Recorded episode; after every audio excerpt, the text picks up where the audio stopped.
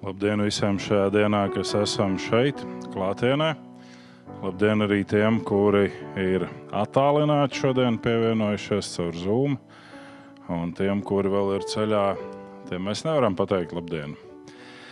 Bet nāksim kopīgi lūgšanā, nāksim pielūgsmē un Dievu slavēšanā. Debes Tēvs, mēs Tev pateicamies, ka Tu esi darbojies pie katra no mums kā podnieks pie māla. Mēs pateicamies par Tavu žēlastību, mēs pateicamies par Tavu svētību, mēs pateicamies par Tavu aizsardzību mums ikvienam. Mēs pateicamies, ka Tu ik rītus no jauna lietas mūsu dvēselēm atgriezties ķermeņos, kurus Tu mums esi veidojis. Un tu ļauj mums darboties dienas gājumā, lai atjaunotu dvēselēm ticību uz tevi visas dziedināšanas avotu. Mēs slavējam tevi. Mēs pateicamies tev, ka pat ja mēs nezinām, kā tu mūs vadi, mēs zinām, ka tu mūs vadi. Un pat ja mēs nezinām, kurp tu mūs vedi, mēs zinām, ka mēs droši varam paļauties uz tevi katru dienu. Par to mēs tevi slavējam, pateicamies, lūdzam tavu žēlastību un aizsardzību. Arī šajā dienā runā uz katru no mums, svētī katru. Un šajā brīdī pieņēma mūsu kopīgo apliecinājumu mūsu ticībai. Mēs ticam uz Dievu Tēvu visu valdītāju, debesu un zemes radītāju, un uz Jēzu Kristu, Dievu vienpiedzimušo dēlu, mūsu kungu, kas ieņemts no svētā gara, piedzimis no jaunavas Marijas, cietis zem Poncija Pilāta, krustā sists, nomiris, aprakts, nokāpis ellē, trešā dienā augšām cēlies no mirušajiem, uzkāpis debesīs sēdies pie Dieva visu valdītāja, tēva labās rokas, no kurienes viņš atnāks tiesāt dzīvus un mirušus. Mēs ticam uz Svēto garu, vienu svētu, vispārīgu baznīcu, svēto sadraudzi, grēku piedošanu, miesas augšām celšanos un mūžīgo dzīvošanu. Āmen! Āmen. Sēdieties, lūdzu. Daži mazi paziņojumi. Uz nākamo svētdienu, tie, kas plāno būt un kas nebija pagājušajā svētdienā, vēl ir dažas lasījuma lapiņas, kuras būtu labi izlasīt, lai mēs saprastu tēmu, par ko tad nākamajā svētdienā tiks runāts. Tātad pēc dievkalpojuma jūs varat šīs lapiņas saņemt. Katrs, un tie, kas jau ir saņēmuši, var dušīgi lasīt atkal un atkal. Un uh, otrā lieta, uh, lielākā daļa draudzes padomus bija iespēja uh, no ceturtdienas līdz vakardienai piedalīties lūkšandienās. Un es pieņemu, ka pēc dievkalpojuma sadraudzības brīdī varēsim arī vairāk parunāt par to, kas bija tieši tas, kas tika uzrunāts, kā tika uzrunāts. Un tajā brīdī, kad mēs tuvojāmies noslēgumam, Lūkšanas dienas vadītājs teica, vai jums ir izveidojušies kādi jauni kontakti vai kāds virziens, ko jūs darīsiet, vai kā. Un, protams, ka mums lielākajam vairumam bija tikai atskats uz to, ka tas bija svētīgs un vērtīgs laiks, būt kopā, lūgt Dievu. Un tad pie pusdienu galda, pie kaimiņu galda sēdēja ģimene, kuri ir ukrāņi, viņi 25 gadus ir kalpojuši kā misionāri Vladivostokā. Un sākoties karam, protams, viņiem bija jāizdara izvēle, vai nu jāpie, jākļūst par Krievijas pilsoņiem, vai jāatstāj tā vieta. Un viņi pārcēlās uz Latviju. Un šis vīrietis, mācītājs Slaviks, jautā, Viņš saka, vai jūs savā nometnē varētu paņemt kādus bēgļu bērnus ar īpašām vajadzībām, protams, arī tos vecākus. Un es runāju ar viņu, un man galva sāk kūpēt. Es domāju, kā mums jau tā ir. Visas vietas limitētas, viss jau ir aizpildīts līdz pēdējiem. Nu, ko vēl darīt? Kā rīkoties? Un uh, tad ir tas brīdis, par kuru mēs varam teikt, līdzīgi kā Jēzus mācekļi atrodas vētrā Un Pēters saka, kungs, ja tas esi tu, tad liec man nākt tev pretī. Un es pieceļos, es eju pie Slavika. Es saku, labi, Slavika, mēs taisīsim trešo nometni. Un mēs taisīsim nevis bilingvālu, bet tikai bēgļu bērniem un viņu ģimenēm. Es saku, tu vari sākt kolektēt jau cilvēkus, jo viņš ir šobrīd pieslēdzies ļoti aktīvi Rīgā Rīgas domas pakļautība atvērtai bēgļu kapelai, kas ir Tehniskajā universitātē, un kalpo tur šiem cilvēkiem un runā ar viņiem. Es saku, labi. Un, protams, es runāju ar to daļu padomus, kas bija klātienē. Es saku, ko darām? Nu, ir tāda situācija, ir jāiet. Ja mēs varējām priecāties, ka plus mīnus mūsu paredzētajām divām nometnēm finanses pietiek šobrīd, tad ko darīt tālāk? Un, un ir tā ticības pārliecība, ka Dievs darīs. Un tā kā arī mēs esam dziedājuši šeit, un arī dziedājam tur, lūkšanā dienās, pat ja neredzu, zinu, tu dari. Jo tu esi ceļa radītājs, ceļa veidotājs Un eh, es varbūt būtu ar mieru jebkurā citā valodā pieslēgties nometnēm, bet tieši krieviski varbūt tas nav tas mans amplitūds, kurā es jūtos viskomfortablāk. Bet, ja tas ir jādara, un ja tas var pagodināt Dievu, tad lūksim un iesim un darīsim. Un tā tad ar īvetu esam sarunājuši, ka šī nometne notiek no 14. līdz 17. Tie ir brīvie datumi. Un tādēļ jūnijam. Un tādēļ es lūdzu ikvienu no jums paliekam lūgšanās. Tas ir tikai sākums. Ko Dievs vēl darīs? Skatīsimies bet nevis pasīvi skatīsimies un teiksim, ok, es pieslēgšos tikai tad, kad viss būs gatavs, ka galds būs saklāts un kad teja kafija kūpēs, bet skatīsimies un iekļausimies pēc iespējas ātrāk katrs tajā, kur Dievs mūs vada un vēda. Pietiek pļāpāt, dziedam.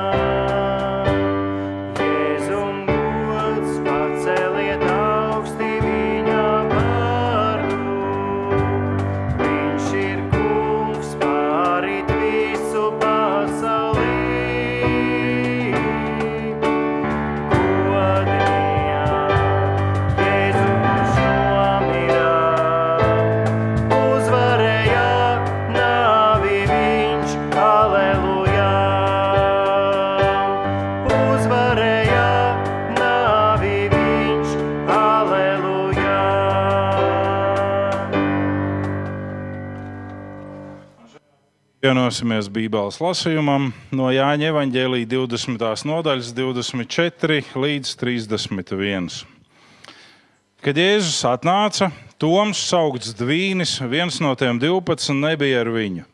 Citi mācekļi viņam sacīja, mēs redzējām kungu, bet viņš tiem atbildēja, kamēr es neredzēšu naglu brūces viņa rokās, kamēr nelikšu savu pirkstu viņa naglu brūcēs un kamēr nelikšu savu roku viņa sānos, es neticēšu. Pēc astoņām dienām mācekļi atkal bija tur kopā, un Toms bija ar viņiem. Durvis bija aizslēgtas, bet Jēzus nāca un nostājies viņu vidū, sacīja miers ar jums. Pēc tam viņš sacīja Tomam, stiep šurp savu pirkstu, un lūko manas rokas, un stiep šurp savu roku, un liec manos sānos, un nē, es vairs neticīgs, bet es ticīgs. Un Toms viņam atbildēja, mans kungs un mans dievs. Jēzus viņam sacīja, tu tici tādēļ, ka tu man redzēji. Laimīgi tie, kas nav redzējuši, bet tic. Vēl daudzas citas zīmes Jēzus darīja savu mācekļu priekšā, par kurām šajā grāmatā nav rakstīts. Bet šis ir rakstīts, lai jūs ticētu, ka Jēzus ir Kristus Dieva dēls, un lai jums, kas ticat, būtu dzīvība viņu vārdā. Āmen. Sēdieties! Pavisam īsi un ātri izskriesim cauri trim būtiskākajām niansēm. Un pirmā nianse, kuru mēs redzam šajā notikumā, ir ar jautājumu, Toms, manī. Vai manī un tevī arī ir šis Toms, kurš saka, kamēr es neredzu lietas notiekam, es nevaru ticēt. Es nevaru ticēt, kamēr es neredzu. Mēs prasām saviem bērniem pierādījumus. Viņi saka, nu, piedod, es tev neklausīju. Mēs sakām, labi, paklausu, un es ticēšu, ka tu esi labojies. Mēs prasām viens otram pierādījumus. Valstiskā sistēma prasa pierādījumus. Un šeit mēs sastopamies ar situāciju, kur Jēzus saka, laimīgāk ir neredzēt un ticēt. Mēs sakām, jā, bet nu, mēs dzīvojam tādos laikos, kad ir grūti saprast. Piemēram, 24. februāra karš, kurš sākās, jau nebija tāda situācija, ka cilvēks iziet cilvēkam pretīm skaidrā dienas laikā un saka, viss es karoju ar tevi. Un šie ir mani iemesli, kāpēc es karoju. Karš sākās naktī, klusumā, kamēr cilvēki guļ. Armija ir slepenībā, klusumā, uzbrūk. Mēs varam paskatīties vēsturē, praktiski visi pēdējo laiku kari ir sākušies naktīs. Ne. Kāpēc? Nu, tāpēc, ka negribās to skaidro, pārredzamo lietu kārtību. Toms manī un mums pēc šīs cilvēcīgās pieredzes ir sajūta, ka ar Dievu ir tieši tāpat, ka mēs nevaram ticēt Dievam, kamēr mēs neredzam. Un tad mēs prasām Dievam dažādus pierādījumus, jeb zīmes. Un tad mēs aizējam šķērsām reizēm. Jo zīmes mēs varam saņemt. Un zīmes mēdz būt priekšparedzamas. Jūs atcerieties, kad Gideons prasīja zīmes, tur bija par to aitas, jeb kazas vilna. Uz zemes vajadzēja būt rasai, un uz vilnas nevajadzēja būt rasai. Un tad viņš teica, nē, Dievs, tas ir pārāk vienkārši priekš tevis. Mainām. Nākamā rītā, lai uz vilnas ir rasa, un visa zeme ir sausa. Un tas notiek. Un tad, kad Hiskijs saslimst un viņš tiks dziedināts, tad ir jautājums, kā es ticēšu, ka es esmu dziedināts? Nu, kādu zīmi tu gribi? Nu, lai pulkstenis pie saules pulksteņa skalas paiet desmit vienības uz priekšu. Pulkstenis paiet. Hiskija saka, nē, tas bija pārāk vienkārši. Es gribu, lai atkāpjas pulkstenis pa desmit vienībām. Un pulkstenis atkāpjas pa desmit vienībām. Tās ir zīmes, par kurām mēs varam teikt, nekārdināsim Dievu. Bet mums, kā cilvēkiem, ir nepieciešamība būt skaidrībā par to, vai tas ir Dievs vai tas ir mans pašprāts. Tāpēc šodien mēģināsim tikt skaidrībā ar to mūsos. Cik tālu mēs uzticamies Dievam, un kur mēs sakām, nē, šeit, šeit ir kaut kā grūti. Un uzticēšanās Dievam nekad neparedz slinkošanu. Uzticēšanās Dievam vienmēr ir aktīva kā jau es jums teicu, skatīsimies, vēl, ko Dievs darīs mūsu vidū, bet nevis sagaidīsim to rezultātu un tad teiksim, rekā es ar visiem te jūs tā aizmuguriski atbalstīju un svētīju, lai jums labi izdodas, tikai es pats neiesaistījos. Ne. Otrā lieta, kuru mēs redzam, ir glābēja Jēzus atklāšanās.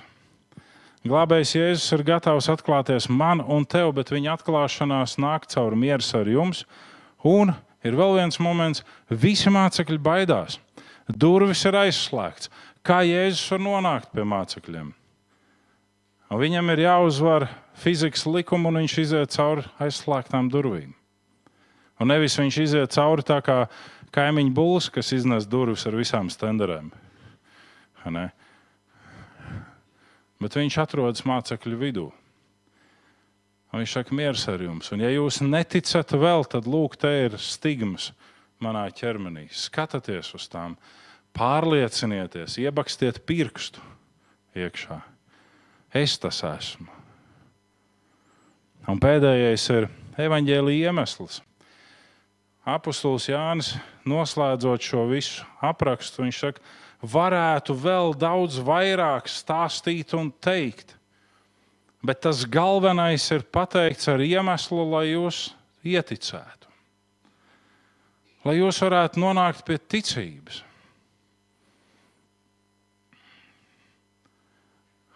Un reizē mēs sakām, jā, bet, bet tur ir tā tāds, sanāk, tā tāds pretrunas.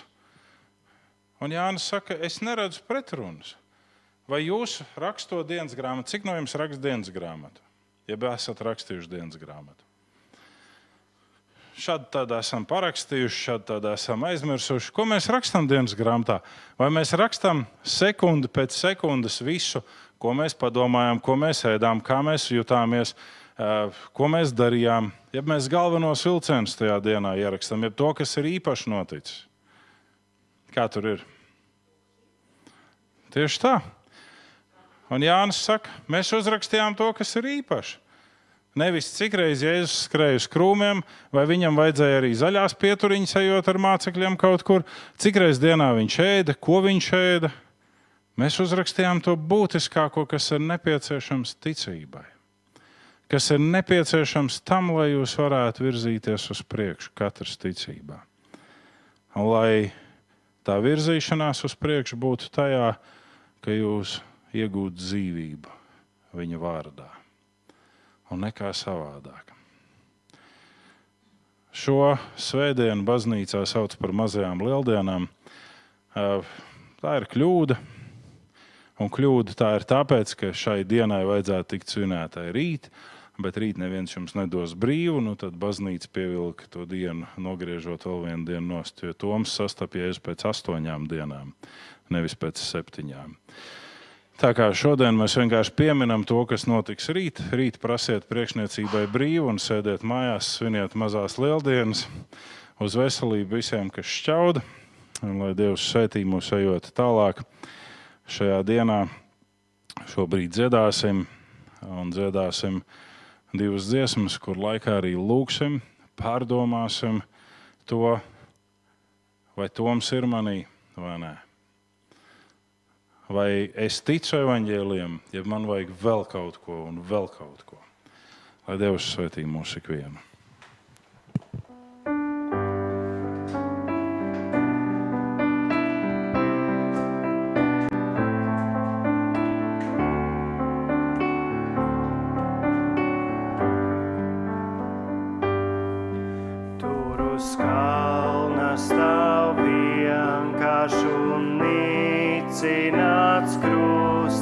tas par kaunu un apsmieklu līdz. Bet tas mīš man ar vien, jo lūk pēstītājs mans, tur kā upuris manis dēļ mīrs. Cik šis vienkāršais krusts man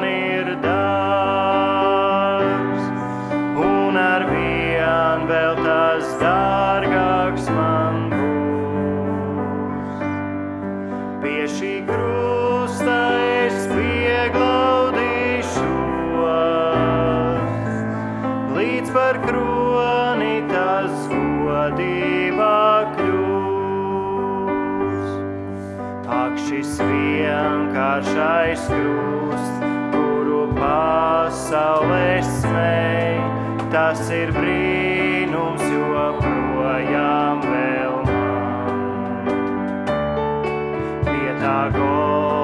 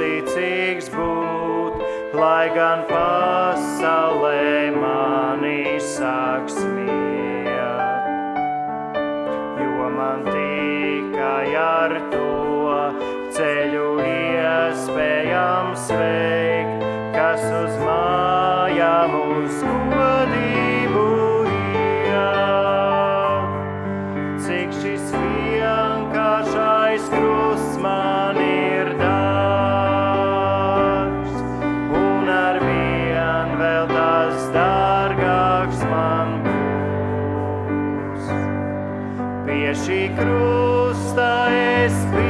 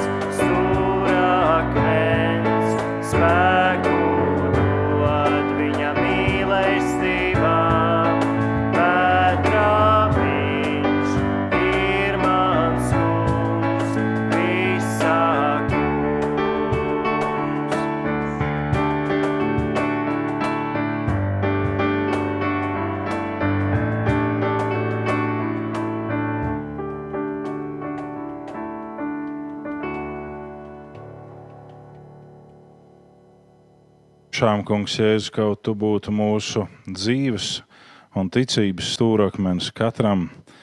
Un lūdzam arī šajā brīdī par mūsu bērniem, kuri ir šeit un kuri nav šeit. Mēs lūdzam Tavu īpašu žēlastību un aizsardzību viņiem.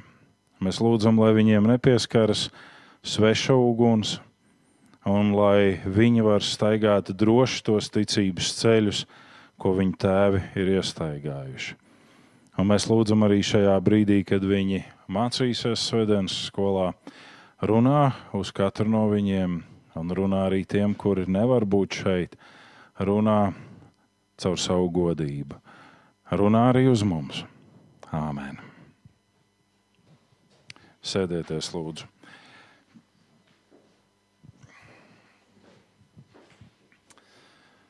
Tātad mēs turpinām mūsu iesākto ceļojumu. Un eh, reizēm ir jautājumi, eh, kāpēc cilvēki tik maz šajā dienā? Tāpēc, ka bail par ko es varētu runāt. Citkārt, lietus iztraucēja. Ziniet, bija tā meitene un puisis, un viņi draudzējās. Tas nav par jums. Eh, Viņi draudzējās, un tur viss bija ļoti labi viņiem. Un puisis teica, meitenei, es tevi mīlu, un es esmu gatavs tavā vietā pat nomirt. Un mēs rīt sastapsimies, ja nelīs lietus. Un līdz ar to reizēm ir sajūta, ka cilvēki līdzīgi attiecas uz šo baznīcas jautājumu. Tad ir tādi, un nevis iemesli, bet iegānsti. Tie ir iegānsti. Iemesli ir realitāte, kuru kā force mažoru nevar apiet, bet ir iegānsti. Un iegānsti nav laba lieta. Mēs skrienam, mēs dušīgi daudz ko darām, un tad ir viens brīdis, kad tas viss ir pagājis un vairs nav pieejams. Un tad mēs sevī sakām, ak, kaut man viena diena būtu. Tad, kad mēs stāvam pie adusas vietas, kur ir mūsu tuvinieki, mēs sakām, kaut, kaut es vēl varētu parunāt par to vai pamainīt to. Un Latvijas jau mēs zinām, kā saka, vai ne? Pakā iesņi ceņš, pat ir jāvši plačiš.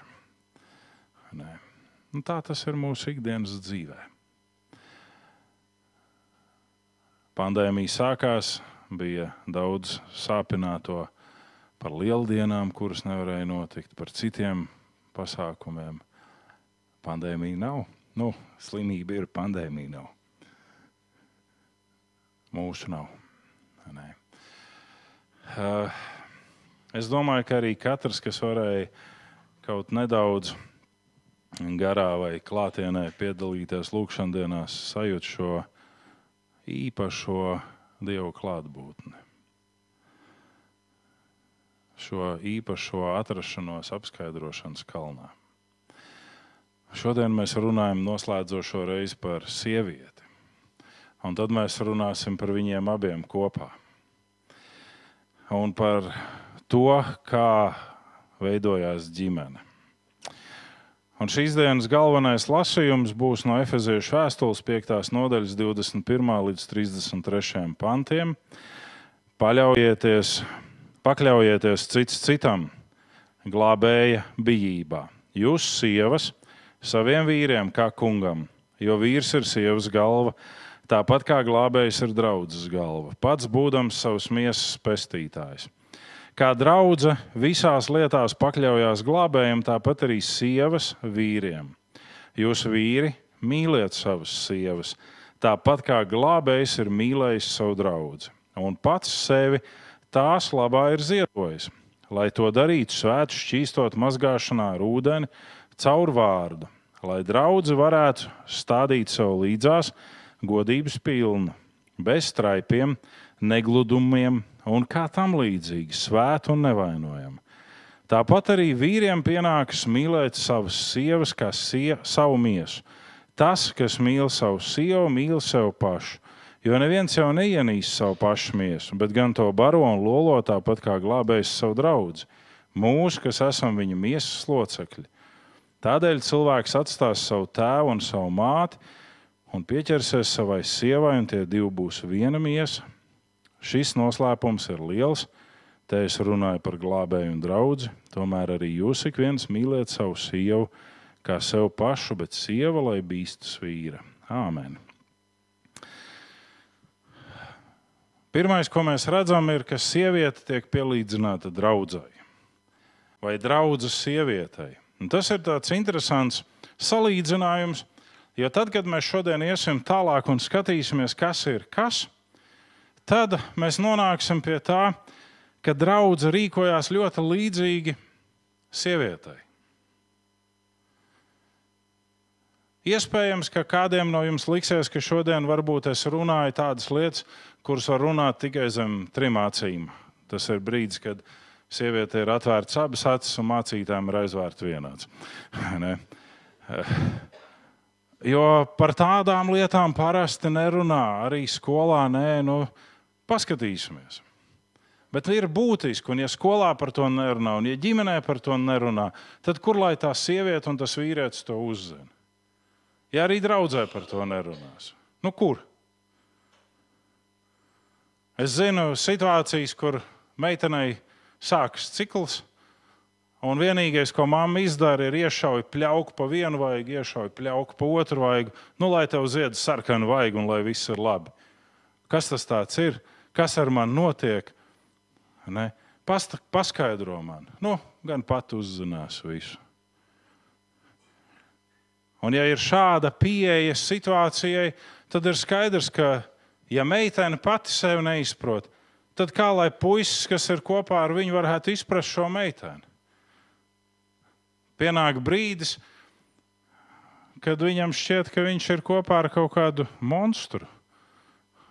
Nē ar kādu Ādāmsu ģimenes daļu. Un tad, kad mēs skatāmies uz draugu, mēs varam teikt, viens, viens. Vai tā būtu Izraēla tautas drauga, vai tā ir kāda baznīcas drauga šodien, viens, viens. Visas mūsu attiecības ar Dievu ir līdzīgas bet iesim visam cauri pakāpeniski. Pakļaušanās nav vardarbība. Tas ir pirmais, pie kā mēs apstājamies. Vīrietis nepieprasa šo pakļaušanos. Tam ir jābūt meitenē iekšā no mātes. Bet, ja māte ir vardarbīga un varmācīgus vārdus lieto, tad meitenē nevar būt šīs pakļāvības. Kāpēc ir vajadzīga šī pakļāvība? Tāpēc, ka vīrietim ir jāvar uzņemties atbildību. Tad, kad mēs runājam par vīrieti, mēs pieskārāmies, ka viņš pēc savas dabas ir gļēvs. Un viņam ir labi aizvirzīties prom no atbildības sloga. Šodien mums bija kāda saruna privāta. Šīs detaļas es drīkstu atklāt, vai ne? Ka man bija saruna, protams, un arī to nākamo. Un šeit mēs runājam par kādu jaunieti, kurš veidojās par puisi, par vīrieti, par pusaudzi. Un es norādīju uz to, ka viņam ir maza, rafinēta vēlme būt galvenajam, bet neuzņemties atbildību. Un visus nozīmīgos jautājumus mēs kopā ar tēti atbildēsim. Nu, tēti, tu saki stiprāk to jāvārdu, es tā klusāk, ja nu kas, tad es varu nolikt un teikt jau apsolīja. Vai ne? Atbildība. Bet vīrietim ir jābūt atbildīgam. Ja mēs pieskaramies un vairāk tam pieskarsimies tajā reizē, kad atkal es runāšu, un tā būs ģimenes diena ne, par šo tēmu. Un, kāpēc ir slikti bez reģistrācijas aplie, attiecības. Tās, ko mēs saucam par civila attiecībām. Vispār jau nav tādas civila attiecības, jo tad būtu arī jābūt krimināla attiecībām. Bet kāpēc viņas nav labas? Tāpēc, ka mēs sakām, nu, nav jāķēpā papīri. Jebkurā brīdī nu, kāda no pusēm nav apmierināta, paceļās spārnos un ir prom. Bet, ja mēs skatāmies uz sievietes un vīriešu savienību, tad sievietei ir nepieciešams tas paspārnis. Un kamēr sieviete ir mājās, ja mēs mācījāmies par zēnu, ka zēns no 12 gadu vecuma uzņemās atbildību, tad meitene neuzņemās atbildību. Kamēr meitene nav precēta, viņa ir tēva aizvējā, paspārnī. Un tad vīrs viņu ņem zem savu paspārņu. Un to sauc par hupu. Laulība ceremonijā ir hupa, zem kuras vīrs paved apakšā savu sievu topošo.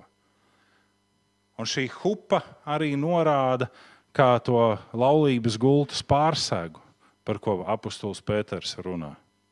Ne? Tās ir detaļas, par tām mēs runāsim citkārt, bet tā tad, ja ir šīs civila attiecības, kā mēs tās saucam, tur jau nav tas es uzņemos atbildību par tevi. Ne. Bet sieviete, lai jūt bību un pakļaušanās, nav vardarbīga. Un sievietes aicinājums un uzdevums pakļauties ir vectēvam, tēvam, brālim, jebkurā, jebkuram vīrietim šajā subordinācijā. Pieņemsim tādu modeli, ka Dievs man sauc mūžībā. Manā ģimenē manā ģimenē paliek viens vīrietis, kurš pārņem stafetes kociņu. Kurš tas ir? Tas ir Jānis Juniors. Tas ir Jānis Juniors, kurš uzņemās atbildību par māsām, kurš uzņemās atbildību par mammu. Viņš nav nevienai no šīm sievietēm vīrs, bet viņš ir vecākais ģimenes vīrietis. Un lai cik būtu nepatīkami, un lai kā mamma varētu bakstīt viņam degunā, es esmu divreiz vecāka par tevi, dēliņa. Viņš ir ģimenes vecākais vīrietis. Līdz brīdim, kad māsas iziet pie vīra, vai mamma atrod sev dzīves draugu, Jānis uzņemās atbildību. Tik tālu ir skaidrs. Un līdz ar to šīm trim sievietēm kurām katrai ir savs sievišķais domu gājiens un pavadiens. Gribu vai negribu, ir jāpakļaujas šim vīrietim. Un tad ir jautājums, jā, bet ko tu no dzīves zini? Tu jau vēl tāds jauns un zaļš. Un tāpēc mans kā tēva pienākums ir mācīt viņu, lai viņš nebūtu jauns un zaļš. Audzināt viņu, skaidrot viņam lietas. Un tas ir neiespējami tajos brīžos, kur mēs sakām, nu, vajag šo brīvību, lai jaunietis ir brīvs, lai viņš skrien kā vējš, kā uz mietu atdurās. Ne?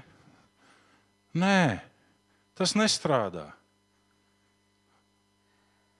Tas, ka viņam ir atbildība no 12 gadu vecuma, nenozīmē, ka 13. dzimšanas dienā viņam pasniedz mazo leņķinu koferītu un izstum no mājām ārā.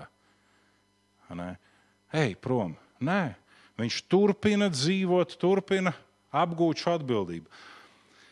Tas nav par sievietēm, tas ir par džekiem. Atkal piedodiet. Īzāks. Cik īzākam bija gadi, kad viņš tika upurēts? 36. Kur viņš atradās visu šo laiku? Tēva mājās. Ko īzāks piedzīvoja pēc upurēšanas? Tas, ka atpakaļ ceļā nonākot no Morijas kalna, viņš uzzina, ka viņa māte ir dzinusies pakaļ vecajam Ābrahamam, kurš jau prāti ir izkūkojis un iet upurēt dēlu. Ir dzinusies pakaļ un ir gar Moriju kalnu aizgājusi šķērsām uz citu vietu ar savu ezelīti un tur nomirusi. Un īzākas sirdī nebija miers līdz brīdim, kad atveda Rebeku. Jā, Rebeka. Jā, Rebeka. Rebeka. Man jau tur tās ebrejietes jūka prātā, kas kam bija sieva. Ne? Atveda Rebeku. Un viņš ierauga Rebeku, un viņš atgūst mieru, kuru viņš bija zaudējis pēc mātes zaudējuma. Viņš atrodas turpatās, vecāku miteklī. Un tas nozīmē, ka kamēr vecais, prātā izkūkojušais Abrahāms ir dzīvs, arī Īzāks pakļaujās Abrahamam. Ir lietas, kur viņš dara, kas ir jādara, bet ir lietas, kur viņš pakļaujas. Abrahāms mirst, Īzāks ir galvenais ģimenes vīrietis. Tātad sievietes aicinājums un uzdevums pakļauties vecāvam, tēvam, brālim. Kas ir šo vīriešu uzdevums? Ja šai sievietei nav vīrs, kurš kā saule pēc tradīcijas spīd uz šo sievieti, lai viņi var atstarot gaismu. Kas ir jādara? Vectēvam, brālim un tēvam jāspīd uz šo sievieti. Jāspīd, jāaps, jāizgaismo viņa. Otrā lieta, zem pirmā lielā. Vīriešu pienākums pakļauties nedalāmam dievam un rūpēties par sievieti. Vīriešu pienākums ir pakļauties nedalāmam dievam. Nevis tikai gaidīt, kad sieviete pakļaujas viņam, bet viņam ir pienākums pakļauties nedalāmam dievam un pilnībā pakļauties. Ko nozīmē sevi rūpēties par sievieti? Reizēm mēs sakām, nu, es dzīvošu mājās, darīšu, ko es vēlēšos, tu nesīs mājās naudu, tu nesīs mājās mašīnas, tu tās remontēsi, tu atvērsi tiešo naftas vadu līdz mūsu mājas durvīm, lai katru reizi, kad es gribu, es varu braukt, iet, kur es gribu. Man te nav nekas jāatskaitās, nekas nav jādara. Nē, nē, nē, nē, nē. Rūpēties, tas nav par šo. Ja ir nepieciešams uzcelt namu, tad šis nams tiek uzcelts. Ja ir nepieciešams šo namu izremontēt, šis remonts tiek veikts ja ir nepieciešams nodrošināt mieru šajā namā, tad šis miers tiek nodrošināts. Grūti, bet tas tiek nodrošināts. Pagājušajā trešdienā mums ar Agnēs bija kāda saruna, kuras laikā viņa teica, vai es viņai radīšu nemieru visas brīvās dienas, un es viņai teicu, nē, tev miers tiks nodrošināts. Miers nodrošināt šajā namā. Kur paliek vīrišķās izklaides un iekošanās ar alkoholu? Tā tiek izstumta ārā, jo tas atņem mieru. Kur paliek viss pārējais, kas atņem mieru, tas ir ārā. Jebkas, kas pakļaujās vārdam grēks, ir ārpus šī mājokļa, kurā ir mieram jāmājo. Un tā ir vīrišķā pakļaušanās dievam un subordinēšana dievam, lai šajā namā būtu miers. Un šeit sākas tas brīdis, kurā mēs jebkādu emancipēto feminizāciju izstumjam ārā. Nav tādas. Jo sieviete nav slieka. Kas var pati sev apaugļot, pati sev visu nodrošināt un dragāt tikai pa zemi tālāk. Nē, nevar tā. Sievietei ir vajadzīgs tas paspārnis, zem kura viņa var rast mieru. Mēs sakām, jā, bet šodien jau nav tādu vīriešu. Nu, meitenes, ja mēs paskatāmies uz socioloģiskiem pētījumiem un statistiku, sievietes ir vairāk. Ir vairāk sievietes, kas audzina dēlus vienas. Nu, ja jūs neesat izaudzinājuši sev tādus vīriešus, nu, pašas vainīgas, ko var darīt? Bībele ir bijusi atvērta Latvijā jau 1000, nē, nu, es kļūdos, 1500 un gadus. Ne? Un tur tas viss ir rakstīts. Un šobrīd pamanīsim mīklu. Labi? Pamanīsim mīklu. Tā tad es lieku daudz punktus un saku, un jūs minat, kas tas ir. Tad, kad mēs runājam par vīrieti, tad Sindija un Ksenija sāk ķiķināt, jo es tur izmuldējos. Pats pats sakot, priekšā, kas tas ir. Bet tagad pamanīsim par sievieti. Labi? Tātad sieviete ir jeb šis simbols. Zemes vienīgais dabiskais pavadonis. Kā sugas vārds apzīmē debesu ķermeni, kas riņķo ap kādu zvaigzni vai planētu. No šī līdz Zemei attālums nav konstants, bet vidēji tas ir 384,400 km. Šis kustas ap Zemi pa nedaudz eliptisku orbītu. Tas apriņķo Zemi apmēram 28 dienās, bet precizēsim 27 dienās, 7 stundās un 43 minūtēs. Kas tas ir?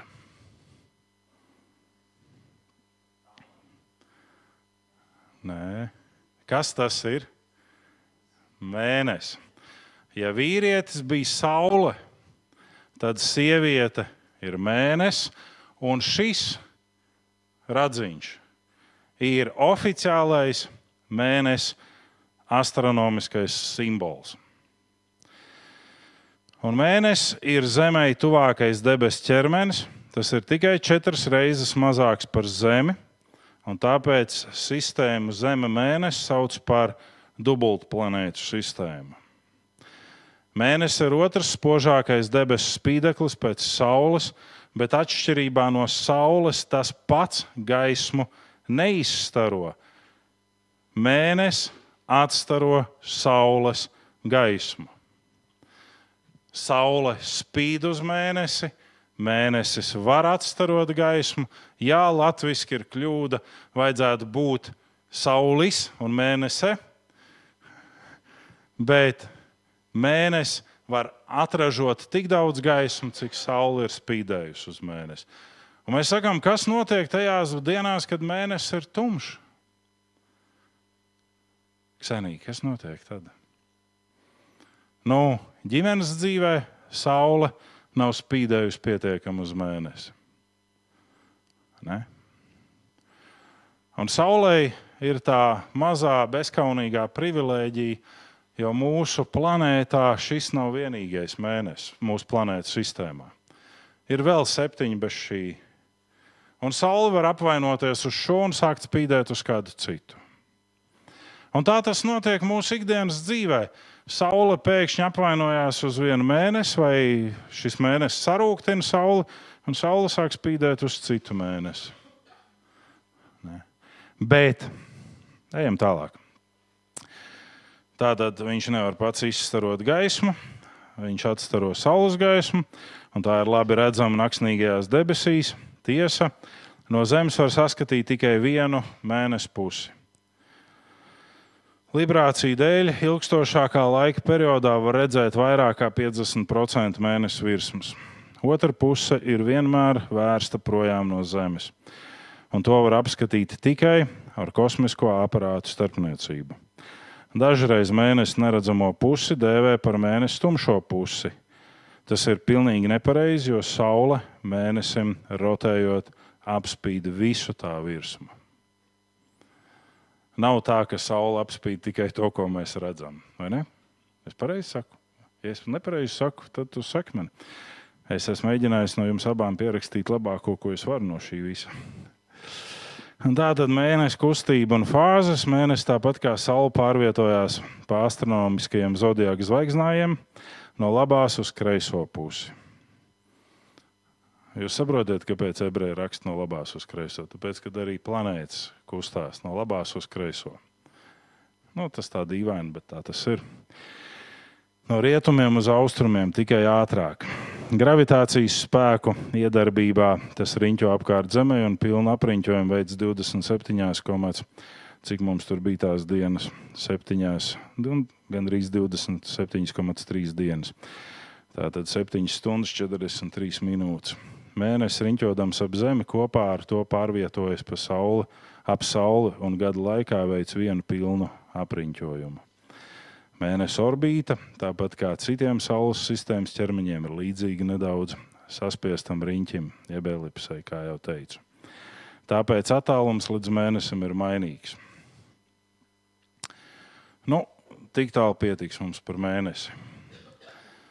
Sieviete ir mēnesis. Un, ja mēs skatāmies uz šo ebreju salīdzinājumu, ka sieviete ir mēnesis, vīrietis ir saule, mēs varam redzēt tur ļoti dziļu paslēptu gudrību. Mēnesis apriņķo 27,743 savu riņķu veids. Tā ir. Un sievietes cikls ir nepilns 28 dienas. Vai ne? Nā, Mēs nezinām. Čaļiem jāzina, vai ne? Tas jautājums labi ir. Mīlestība ir obligāta. Un tagad mēs nonākam pie tās vēl vienas puses, kur mēs runāsim par sievieti, bet skatīsimies, kāpēc vīrietim ir obligāti jāmīl sieviete. Mācītāja grāmata, 7. nodaļa, 27, 29 ir tas šausmīgi nesaprotamais rakstu gabals. Redzi, ko es atradu, saka mācītājs. Reizi pēc reizes līdz nāca skaidrība. Ko man dvēseli visnotaļ meklēja, to es neatradu. Vienu cilvēku starp tūkstošu es esmu atradis, bet sievieti starp šiem visiem nē. Tik to redzi, es esmu atradis, ka Dievs cilvēkus ir radījis taisnus, bet viņi paši ir izgudrojuši visādas viltības. Atbild uz tavu šī rīta jautājumu. Dievs cilvēks ir radījis taisnus, bet viņi paši ir izgudrojuši visādas pārgudrības. Un tāpēc mēs nevaram teikt, hei, cilvēks piedzimst grēcīgs. Nu, nav. Nu, Dievs ir radījis taisnu. Mēs sakām, jā, nu tas bērns piedzimst, un tad uz viņa nosēžās tie grēka putekļi. Piekrītu. Bet nevis tāpēc, ka viņš piedzimst, viņš jau ir grēcīgs.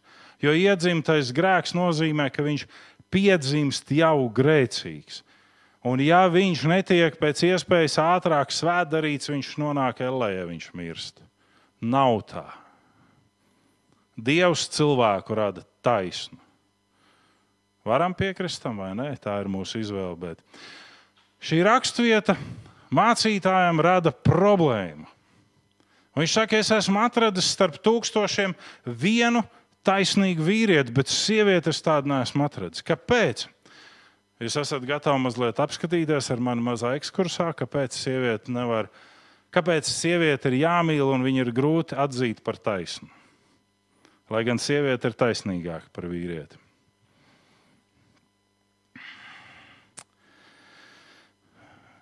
Neskatieties, ja es sarkstu šajā brīdī. Es arī par to nerunāju katru svētdienu. Bet tā tad, tuvojoties tām dienām, vairākums sieviešu jūt svārstības arī emocionālajā pas, pašsajūtā, kas izpaužas ar ļoti mainīgu garstāvokli un var kļūt par nopietnām problēmām.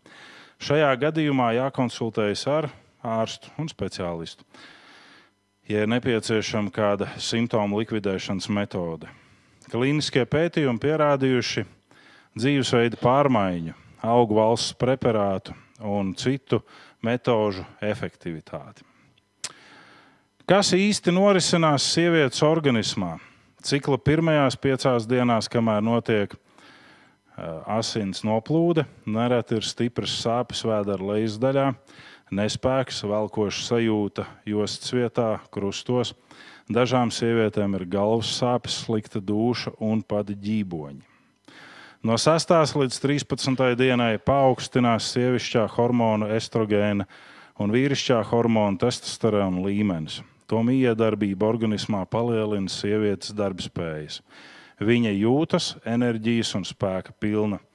14. līdz 17. dienai estrogēna un testosterona līmenis sasniedzis maksimumu, un šajā miedarbībā sieviete jūtas īpaši skaista, valdzinoša, biežāk rodas vēlme uzvilkt īsākus svārkus, brīvāk blūzīt un biežāk koķetēt. Šo dienu laikā menstruālā cikla vidū ir arī vislielākā varbūtība ieņemt bērniņu. Estrogēns nodrošina pastiprināt enerģiju un testosterons paaugstināt libido. No 18. līdz 23. dienai estrogēna un testosterona līmenis samazinās, ietekmi pārņem cits vīrišķais hormons progesterons. Šajā miedarbībā sieviete jūt mieru, līdzsvaru un neuztraucas par sīkumiem. No 24. dienas progesterona līmenis jau ir palielinājies tik tālu, ka sieviete pārņem nemieru, trauksme, raudulīgums, aizkaitināmība, jūtu, jūtīgums, biežāk strauji mainās garstāvoklis. Kurš tam visam var izlēkāt līdzi, ja to nezina?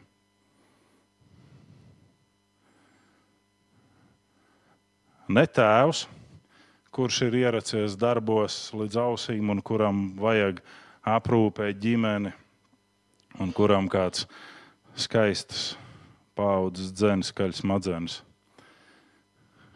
Ne vīrs, kurš ir turpatās līdzīgā vietā. Nē, mēs sakām, ok, labi. Ir maza meitenīte, viņai vēl nekā nav, un tad viņai sākās. Bet jums, puiši, ir jāapzinās tas, ka pat pēc menopauzes nekas no šī nebeidzās, tikai samazinās.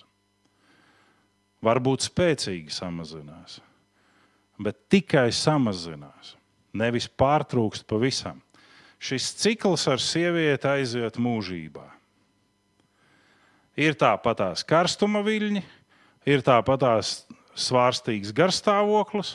Jā, nenotiek menstruālais cikls pilnībā, nesākās asiņošana bet nekas nebeidzās. Un tad, kad mēs runājam par mēnesi tumšo pusi, tās ir tās dienas, par kurām bauslība saka, tad sievietei vajadzētu uzturēties mājā, un, ja viņa ļoti slikti uzvedās, viņai vajadzētu iesprostot būrī, un nevienam nevajadzētu tuvoties viņai. Bauslība saka, ka sieviete ir nešķīsta tajā laikā. Protams, ka viņi ir nešķīsti, viņi ir netīri, jo ūdens daudzums ir ierobežots tajā tūkstošainajā apvidū. Viņi nevar sevi sakopt, viņi nevar nomazgāties.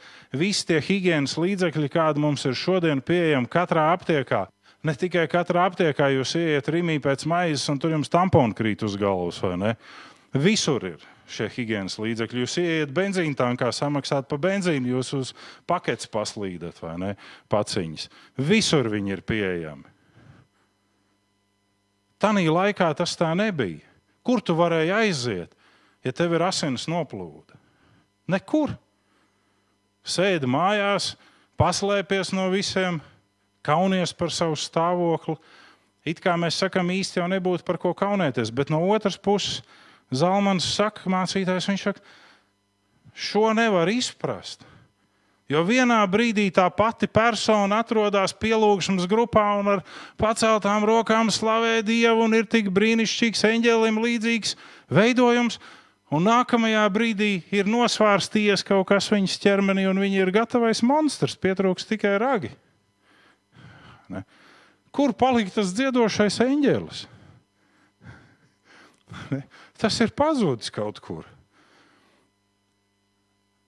Vīrietis kāds aiziet gulēt, tāds pamostās. Mazliet izspūris, bārda varbūt izspūrus mazliet, bet, bet sieviete panākt sabojājās. Un tas nav make-up dēļ. Tas ir tādēļ, ka aizgāja gulēt 13. dienā, bet pamodās jau 14.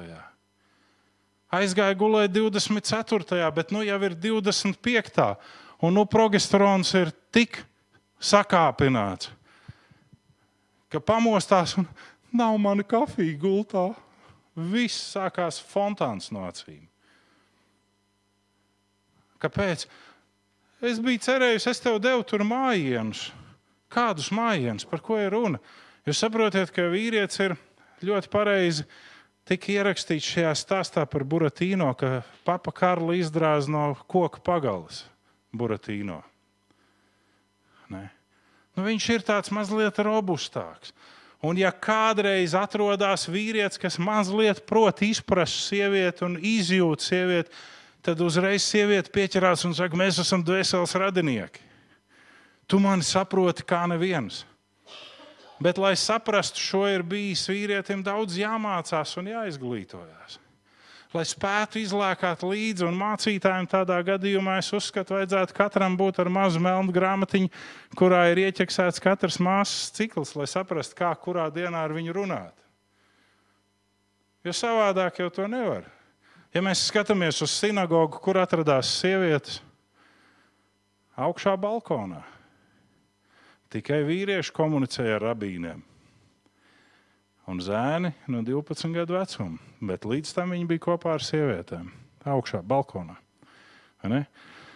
Jūs gribat redzēt precīzus sinagogas atveidus, Liepājā Pāvila baznīca, Liepājā Cijānas baznīca, Ventspils Baptistu baznīca, kur vēl? Uh, saka, saka, man liekas, ka saka, ir uh, divs līpņu jumts, logu rinda divās kārtās, ieeja baznīcā, pretīm ir pašā centrā kancele paaugstināta, izcelta no zemes ārā paaugstinājums, kur atrodas jebkas. Zem kanceles parasti šajās baznīcās ir tā tāds aizkars priekšā. Ebrejiem sinagogā bija slēdzams skats, kurā atradās Talmuda un Toras ruļļi. Un balkons, kas sākas no šī paaugstinājuma un iet apkārt visai baznīcai. Jā, ne? Un, un viss tā ir sinagoga. Balkonā atrodas sievietes un bērni, Un šis ir tas iemesls, kāpēc Pāvils saka, sievietei būtu labāk, ja viņa ar savu vīru konsultētos mājās un draugus sapulcēs nerunātu. Es jums iepriekšējās reizēs teicu, ka es pieņemu, ka meitenes var būt arī mācītāji. Jā, ja tas ir dieva aicinājums, bet nevis tāpēc, ja tās ir viņas ambīcijas. Jo tikko tās ir ambīcijas, jūs redzat, ka viņi nevalda pār saviem hormonu svārstības līmeņiem, Un tur tā draudzene ir tāda, tā kā man te vienā atvadu ceremonijas mīlestībā bija jāsaka, kur meitenīte izdomāja, ka bērnu istabas mantām visām ir jābūt tur, kur ir visi sēdošie pie galda, un viņi pa vienai sāka stiept iekšā. Un vecāki apsauc vienreiz un saka, nu varbūt pietiek, varbūt Un es tam tēvam, kurš ir teoloģijas doktors, saku, nu redz, kāpēc arī Pāvils aizliedz sievietēm vadīt draugus. Viņas visu pārbīda pa savām.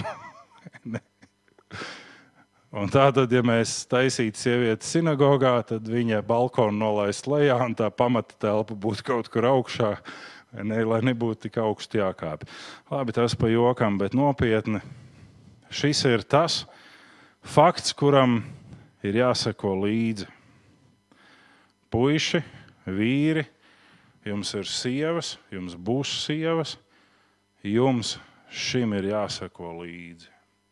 Ka nevis tā sieviete ir par kaut ko aizvainojusies uz jums, bet šis ir tas periods pēc tās 20 dienas, kā kuras sievietes ķermenis funkcionē, kad vajag ar viņu apieties ar baltiem pūkainiem cimdiņiem kad var jebkura mazākā lieta likt uzšķilties asaru ugunī.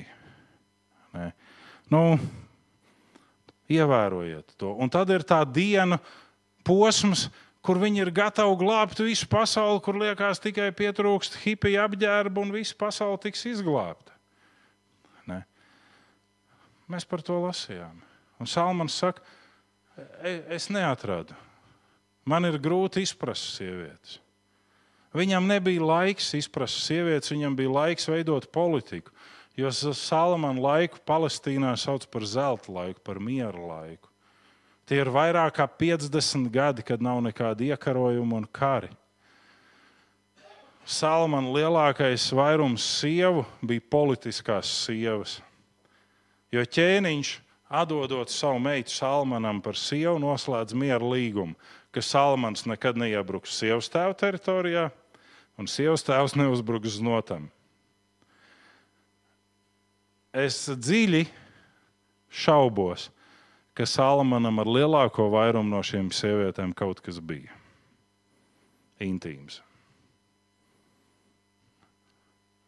Tad viņam ir jābūt ļoti, ļoti īpašam vīrietim, jo viņam bija 700 sievas un 300 blakus sievas. Tūkstots sieviešu harēms. Vesela pilsētiņa tikai ar salmanu sievām. Ne. es šaubos, ka viņam kaut kas bija. Bet skaidrs ir viens, ko raksts saka, ka bija starp šīm sievietēm kādas, kuras spēja ar savu maigumu savaldzināt salmanu tik, ka viņas aizlocīja salmanu sirdi prom no dieva. Tas ir fakts.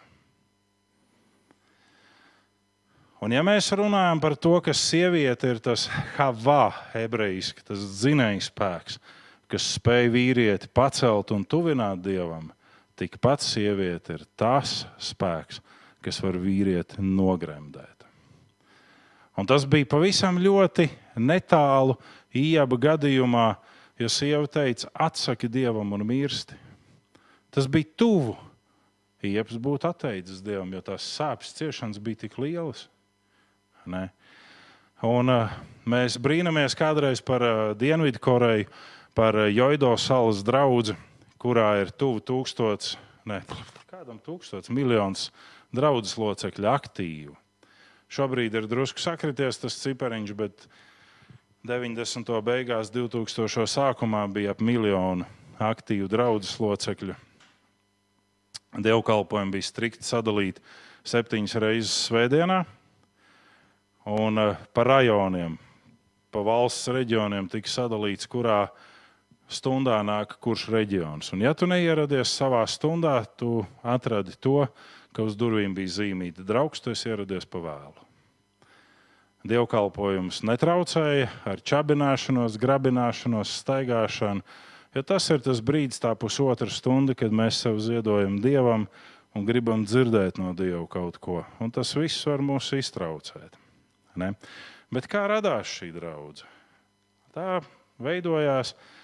Un Ziemeļkorejā, kas ir ļoti komunistiska, bija mācītājs un viņa ģimene, kas kalpoja šajā komunisma režīmā, bet mm, 50. gadu vidū komunistiskā vara arestēja šo mācītāju, un viņam tika piespriests nāves sots ticības dēļ, un nāves sots ar visu ģimeni. Un nāves sots bija paredzēts, viņas dzīves vajadzēja aprakt zemē. Un bija noteikums viens - pīzraktās bedres. Vai nu jūs atsakāties no ticības, vai nu mēs jūs aprokam. Un mācītājs teica, es neatsakos no ticības. Un tad bērni, kas bija kā 12, sāka čingstēt, raudāt un teikt, tēti, tu jau esi praktiski nodzīvojis savu dzīvi, bet padomā par mums. Mums vēl viss dzīve priekšā. Un tēvs sāka tā kā šūpoties šo bērnu ietekmē, un tad iestājās māte un teica, bērni, ko jūs darat? Kāpēc jūs laužat tēvu sirdi? Šovakar mēs vakariņosim pie ķēniņa, ķēniņa galda. Un pateicoties šim mātes taisnīguma iestāšanās momentam, tēvs neatkāpās no savas ticības, un viņi visi tika aprakt dzīvi. bet to redzēja tie cilvēki, kas visi bija sanākuši skatīties šo tiesas prāvu. Un neviens budisms šo neparedz. Jo budismā jau it kā teorētiski ir vienkārši ar šo jautājumu. Tajā ziņā, ka nu, es nomirstu šajā pasaulē, nu, es pēc dienas, divām vai pēc 40 pārdzimstu atkal. Bet šeit nav pārdzimšana. Viss. Alles tāg. Un šie cilvēki daudz emigrēja uz Dienvidkoreju un pievienojās šai Joido salas draugai un uh, turpināja šo ticību. Sieviete var celt savu vīrieti, un sieviete var nogremdēt.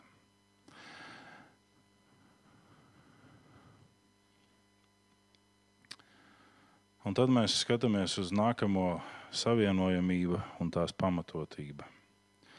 Cilvēki izvēlās neņemt vērā dievišķo likumu un kārtību, bet riktē visu pa savam. Līdz ar to radās problēmas. Problēmas, kā jau mēs pieminējām, bezlaulības attiecībās, problēmas neaudzināt zēnu par vīrieti, problēmas feminizācijai un emancipācijai, problēmas nepakļauties un nemīlēt.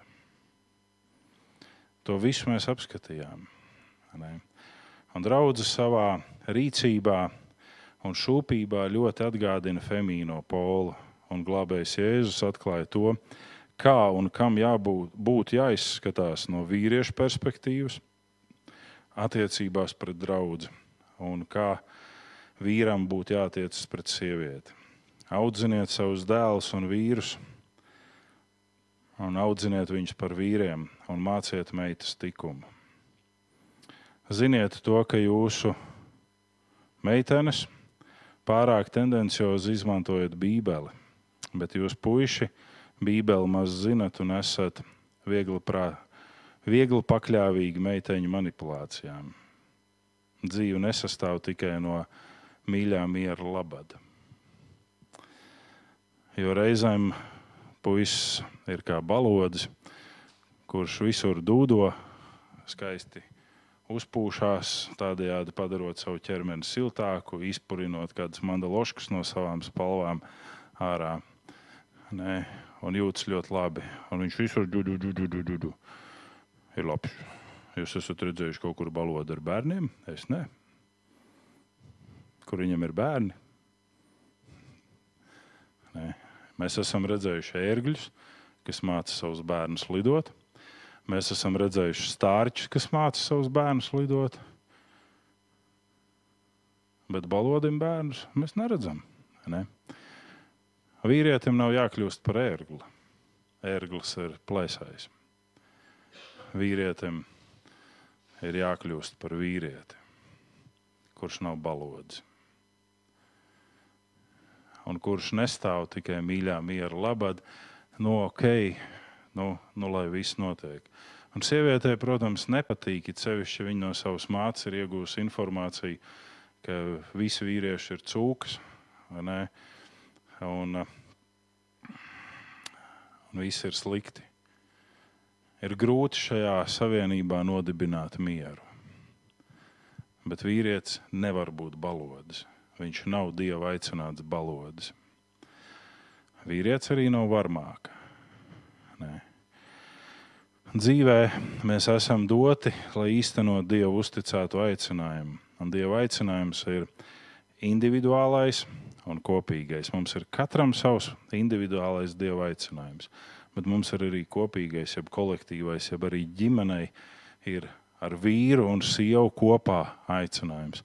Ir sievas aicinājums, ir vīra aicinājums, bet tad ir arī kopējais. Nē. Sievai nav jākļūst par celtnieku, bet aicinājums uz garīgo kalpošanu ir kopīgs, un tur viens otru papildina, stiprina un Dieva spēkā vada. Mēs esam redzējuši mūsu vidū uh, divus kalpotāju pārus. Ir vairāki, bet mēs esam redzējuši divus. Šo svētdienu mēs redzam Raimondu un Sindiju, kur viņi abi divi mēģina dziedāt, un Sindija mēģina atbalstīt Raimondu pēc savām iespējām. Un viss tā ir. Ja es kļūdos, ja tas ir tikai līdz kāzām. un mēs esam redzējuši Guntu un Anniju. Un tajā reizē, kad Gunts uzstājās, jums vajadzētu pavērot, ja jūs neesat pavērojuši Anniju. Tagad viņi to speciāli darīs, jo es par to runāju. Viņa ar visu savu būtību dzīvo līdzi, lai Guntim viss labi sanāktu. Lai viņš labi nodziedātu, viņa sit ritmu līdzi ar kāju un viss. Es pieņemu, ka ir kādi brīži, kuros arī mājās viņi saka, nu, tev vajadzētu pamēģināt, tev vajadzētu patrenēt tās dziesmas, tev vajadzētu. Tas ir tas garīgās kalpošanas aicinājums. Tas nav vienai personai, tas ir abām. Mēs neesam mūki, mēs neesam ne, whatever, kas mēs varētu nebūt. Ne. Un tāpat tās ir tur. Mēs redzam, ka tu ies, es iešu, un tas ir tas, ko Ruta teica. Kurp tu ies, es iešu, kurp tu mājos, es mājošu. Tavs dievs būs mans dievs. Un kur tu aizmigs, arī es gribu būt apglabāta. Ne? Mēs kopā iesim šajā kopīgajā aicinājumā, bet tur ir arī individuāli aicinājumi. Ne? Un jums būs mājas darbs. Jūs varat pierakstīt mājas darbu, tas ir obligāts mājas darbs. Es to nepārbaudīšu, Dievs to pārbaudīs, vai jūs to izpildat. Mājas darbā ir sakām vārdi 31. nodaļa, 10. līdz 31. pāns. Tas ir 21 panta lasījums, kurš runā par to krietna sieva. Kas ir krietna sieva, jeb kas ir krietna sieviete, jeb ko tas sevi ietver? Kādai viņai ir jābūt? Protams, ka pirms tam Lemuēla māte, kas ir ielikās, šīs sakām vārdi ir no Lemuēla ķēniņa pierakstīti. Un Lemuēla māte viņam sniedz šo pamācību, kāda ir krietna sieva, kā viņu var atšķirt no nekrietnēlas un kas ir kas. Un tādēļ lūdzu izlasiet mājās to. Un tas nav tikai meitenēm, tas ir arī puišiem. Pēdējās rindas puiši, kas ir mājās jāizlasa. Jā, tu esi trešās rindas puisis. Tas ir jāizlasa mājās. Sakām vārdi. Puisiem ir jāizlasa un meitenēm, vīriem un sievām. Kāpēc? Tāpēc, ka tas ir paraugs, kā atšķirt krietnu sievieti no nekrietnēlas.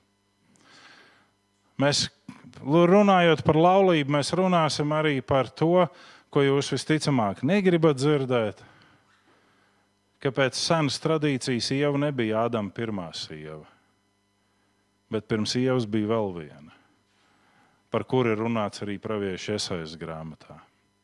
Un tā tiek saukta par nakstnieci. Ja jūs neticat man, jūs varat paprasīt mātei, googlēt, tā zina visas atbildes, ne arī tās, kuras es nezinu. Un tur ir runāts par šo. Viņai arī ir vārds. Un tad, kad mēs lasām iesaistas grāmatas, to nodaļu. Manuprāt, tā ir ceturtā nodaļa, kur ir teikts, ka pienāks diena, kad septiņas sievietes skries pakaļ vienam vīrietim un teiks, mums nevajag neko no tevis, tikai atņem mums mūsu negodu. Ir tas brīdis, kurš jau ir labu laiku iesācies. Un tas, ko Dievs teica, mēs sakām čūskai, es teiktu, Ādam pirmai sievai uz savu vēderu tu līdīs, pīšļus tu grauzīsi. Un tava iegriba būs pēc tava vīra, ir tas, ko dara tās sievietes, kas dzīvo šīs Ādama pirmās sievas garā, par kuru arī runā atklāsmes grāmata, kas ir gatavs izklāties vīriešu priekšā uz zemes, tikai paņem mani.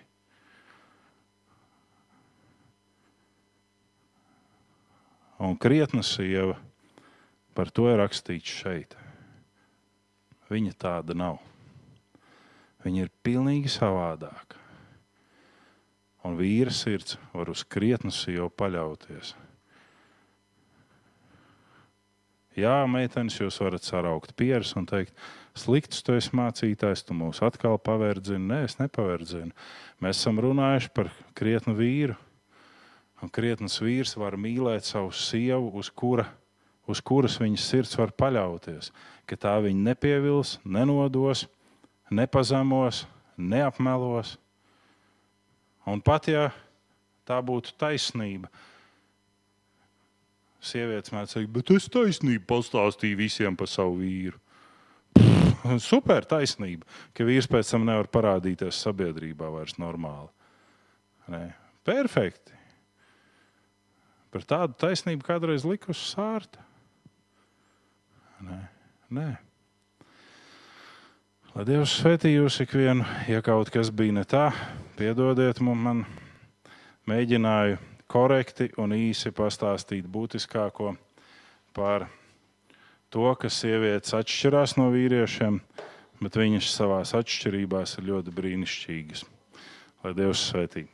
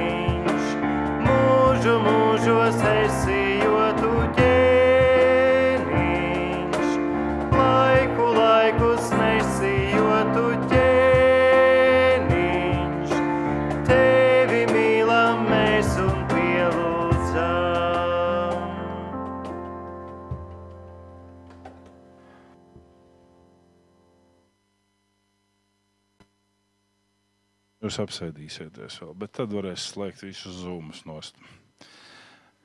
Kungs, Dievs, tevi svētī un tevi pasargā. Kungs, Dievs, apgaismo savu vaigu pār tevi un ir tev žēlīgs. Kungs, Dievs, tevi uzlūko ar lapatiku un dod tev savu mieru. Āmen.